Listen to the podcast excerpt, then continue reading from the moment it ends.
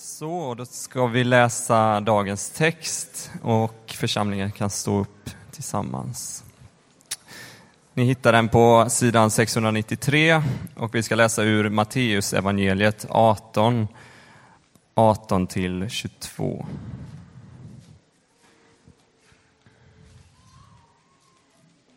Sannerligen, allt ni binder på jorden ska vara bundet i himlen och allt ni löser på jorden ska vara löst i himlen.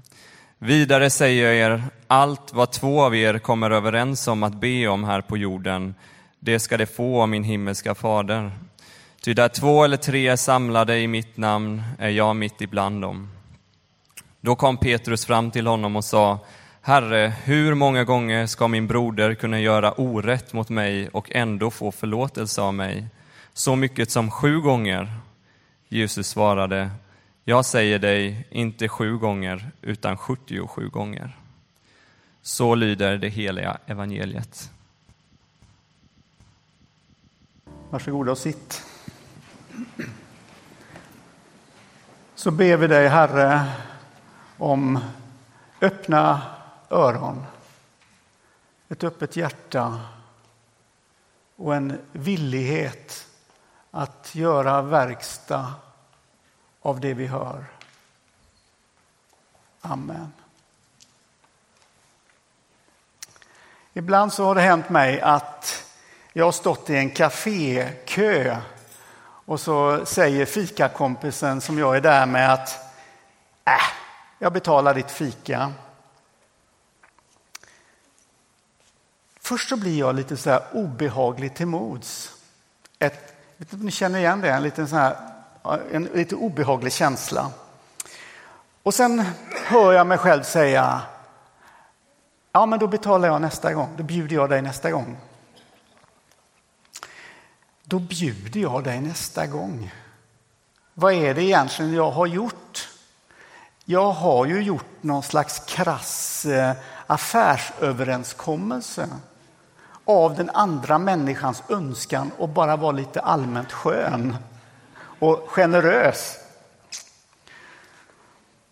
Varför är det så svårt att ta emot någonting och utan att betala tillbaka? Kan man undra. Idag är det tionde söndagen efter trefaldighet och temat är just nådens gåvor. Och det handlar om allt det där som kommer till dig och mig gratis ifrån Gud. Som vi, hur mycket vi än vill, omöjligt kan betala tillbaka. Och fokus när vi talar om nådens gåvor idag, det är Kristi kropp. Alltså kyrkan, eftersom att det är där som gåvorna har sin växtplats. Det är där som det gror. Och den här söndagen har till syfte att få oss att reflektera över Guds stora generositet till oss människor. Men också liksom tänka kring den här frågan. Hur ger jag vidare det som jag har fått gratis? Om du är här idag och du kanske inte är så van att gå i kyrkan. Du har inte så där jättestor pejl. Så hoppas jag att du i den här predikan ska få en liten inblick i vad det betyder och vad det innebär att vara en kristen. Och vad det innebär att vara i en församlingsgemenskap, en kyrklig, i ett kyrkligt sammanhang. Och vad innebär det att ta emot nådens gåvor och ge dem vidare? Så låt oss säga att du är här idag som är lite nyfiken på kristen tro och du skulle komma hit till gudstjänsterna i Saron några gånger. Du skulle ge det lite tid och kanske gå en alfakurs så att du lärde dig och fick lite mer inblick i grunderna i kristen tro. Och låt oss säga att du skulle börja ana att det som finns här i den här kyrkans gemenskap, det är någonting som väcker en djup, djup längtan inne i dig som du har saknat. Och så skulle du besluta dig för att kliva på tåget.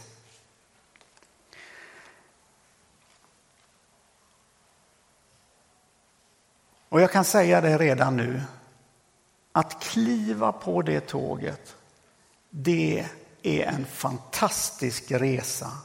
Men jag kan inte heller säga något annat än att du kommer att möta utmaningar redan från första början. För din världsbild kommer att utmanas i grunden eftersom Gud är så annorlunda mot allt som du har mött tidigare så kommer också din världsbild att vidgas. Du kommer se på saker på ett annat sätt. Någonting händer med din blick. Den som kliver på tåget, som går in i den kristna trons värld kommer att behöva stanna vid tre stationer. Och den första stationen är förlåtelsens station. Det allra största och det allra mest genomgripande händelsen en människa någonsin kan uppleva det är att ta emot nådens allra största gåva. Och det är att få bli vän med Gud. Och bli helt och fullt och helt igenom förlåten av honom. Och i hans förlåtande blick så börjar en helande process i ditt liv. Där du börjar se på dig själv med kärleksfulla ögon. Och du börjar kunna säga om dig själv. Jag är vacker. Jag är okej. Okay. Jag är din. Det går inte att predika om nådens gåvor och inte börja vid förlåtelsens station. Det är en omöjlighet. Så om du grunnar på att kliva på det här tåget, om du gör det så kommer du gå in i en ny relation till han som skapade dig och ville ditt liv och som har drömmar om ditt liv. Tänker goda tankar om dig. Och han vill visa hur den här förlåtelsen kan prägla alla delar av ditt liv. Det sker någonting vackert med den människa som på djupet blir accepterad och förlåten av Gud. Det syns i ögonen. Det märks i värmen kring en sån människa. Och hur man visar generositet, samma generositet som man själv har fått möta av Gud, börjar man visa i sin omgivning. Det är en gudomlig gåva som man inte på något sätt kan göra rätt för. Och det här kan ju bli lite jobbigt för oss som har svårt att ens ta emot en fika av någon kompis som bara vill vara allmänt skön. Och man failar redan där. Ibland är det som om vi, vi som har varit kristna länge att vi glömmer bort förlåtelsens station och vilken livsförändrande potential som ligger i där. Hur lätt är det inte att förlåtelsen blir en teo, teoretisk dogm som vi någonstans har skrivit under på för vi tycker att det är bra och det är rätt och riktigt. Men det blir en produkt som stannar här uppe. Det blir kvar här. Och jag kan bara titta på mig själv. Det händer någonting med mig när jag inte låter förlåtelsens gåva genomsyra hela mig själv. Jag ser det så tydligt. Fast jag djupast inte vill det så blir min tro ibland teoretisk och stannar här uppe.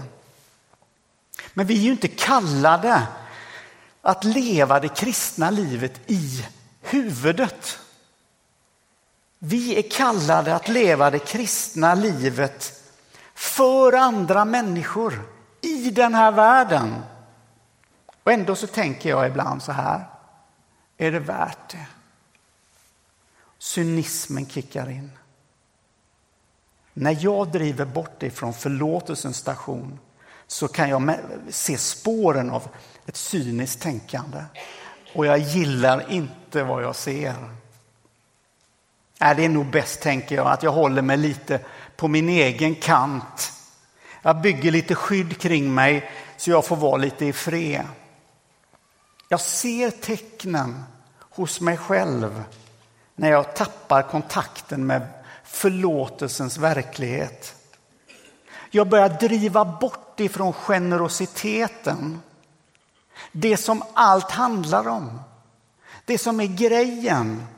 Och så börjar jag hålla hårt i mitt eget. Jag vet när, det, när jag är där. Jag känner igen tecknen. Och så börjar jag se ner på andra människor.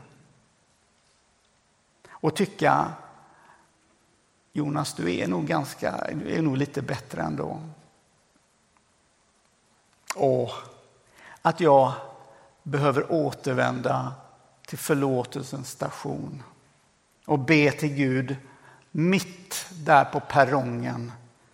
Herre, börja om med mig.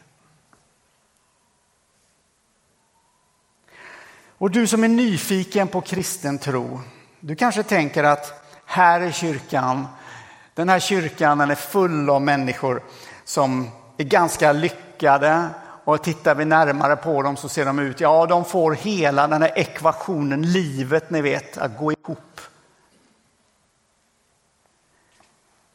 Men vi kan lika gärna säga som det är. Församlingen består av taffliga och brustna människor som ibland, djupt, som ibland är djupt tvivlande på sig själva och som tror att man är ensam om att inte klara av livet alla gånger. Det är en brokig samling som är här inne idag. Med människor med olika bakgrund, olika sår, olika bråte och bagage. Men som har en sak gemensamt och som förenar oss. Nådens gåva har räckts dem och man har fått ett streck draget rakt över allt som har blivit fel. Och så har man blivit förvånande nog ett tomt vitt ark. En möjlighet till ett nytt liv. Hopp om en ny framtid där du inte behöver vara, gå och vara rädd för att det förflutna hela tiden ska jaga dig. Vilken frihet! Vilken inre vila!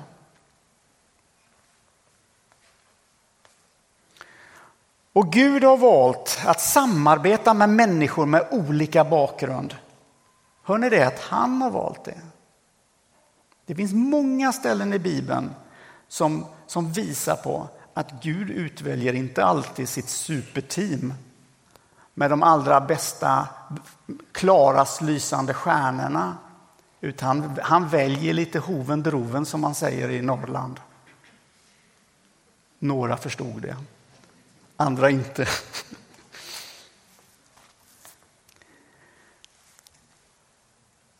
Det är inget hinder för honom.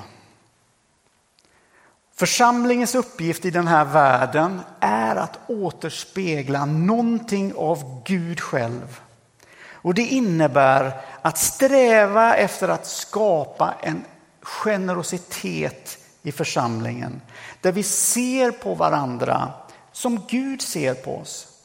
Med ömhet när vi ser brist.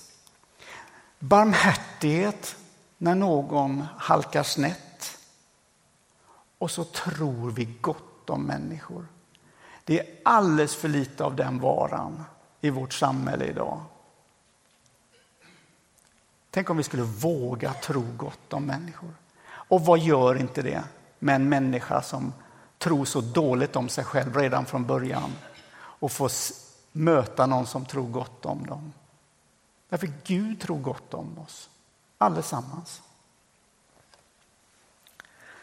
Och när Petrus i vår text som vi läste här frågar Jesus, hur många gånger ska jag förlåta min broder? Alltså det finns ju liksom gränser här kan man nästan höra mellan raderna. Hur många gånger ska jag förlåta min broder? Hur många gånger ska han kunna göra orätt mot mig och ändå få förlåtelse av mig? Sju gånger? Det är ju ett rätt så... Tänk om någon stjäl din cykel sju gånger i studenthemmet där du bor. Och så säger Jesus, du ska förlåta honom 77 gånger. Det är rätt utmanande. Och Jesus svarade inte sju gånger utan 77 gånger. Alltså den här texten säger någonting om vår hållning till varandra. Och vi förstår att Jesus själv bjuder in oss att härma Gud. Därför att vi härmar Guds generositet och förlåtelse. Vi är här för att ge vidare det som vi har fått gratis och för intet till andra människor. Så det, det är förlåtelsens station. Den kan du fundera på när du kommer hem. Hur det är när du var där senast. Om du har glömt bort det. Eller om det är någon, något ställe som du skulle vilja återvända till. Men den andra stationen som vi behöver stanna vid, det är den där vi upptäcker våra gåvor. Okej, vi har fått förlåtelsens stora gåva. Vi har blivit Guds vänner och vi vet att det vi har fått av honom ska förmeras och ges vidare. Men den stora frågan, den är ju hur då? Hur ska det gå till? Och det finns inte ett universalsvar på det här. För här vill Gud ta vara på våra unika personligheter, vår bakgrund, våra erfarenheter, vår kreativitet, ja allting som är du och jag. Och du som står och väger på tröskeln till den kristna tron. Gud har lagt i unika gåvor också i ditt liv som han vill blåsa liv i när du blir kristen som handlar om att ge vidare, att bidra vidare med det goda ute i världen. Och vi läser i episteltexten, eh, dagens episteltext, där Paulus skriver, vi har olika gåvor, allt efter den nåd som vi har fått. Profetisk gåva i förhållande till vår tro, tjänandets gåva hos den som tjänar, undervisningens gåva hos den som undervisar, tröstens gåva hos den som tröstar och förmanar. Och gåvan att frikostigt dela med sig, att vara nitisk som ledare och att med glatt hjärta visa barmhärtighet. Gud har lagt ner någonting alldeles speciellt i dig. Djupt i dig finns gåvor som inte bara är till för din egen räkning. De är till för att göra skillnad. Det är djupt meningsskapande för dig som funderar på vad är meningen med livet? När dina inre resurser används utåtriktat. Det är liksom då som du på något sätt kommer hem som människa. All annan tid är du lite halvborta.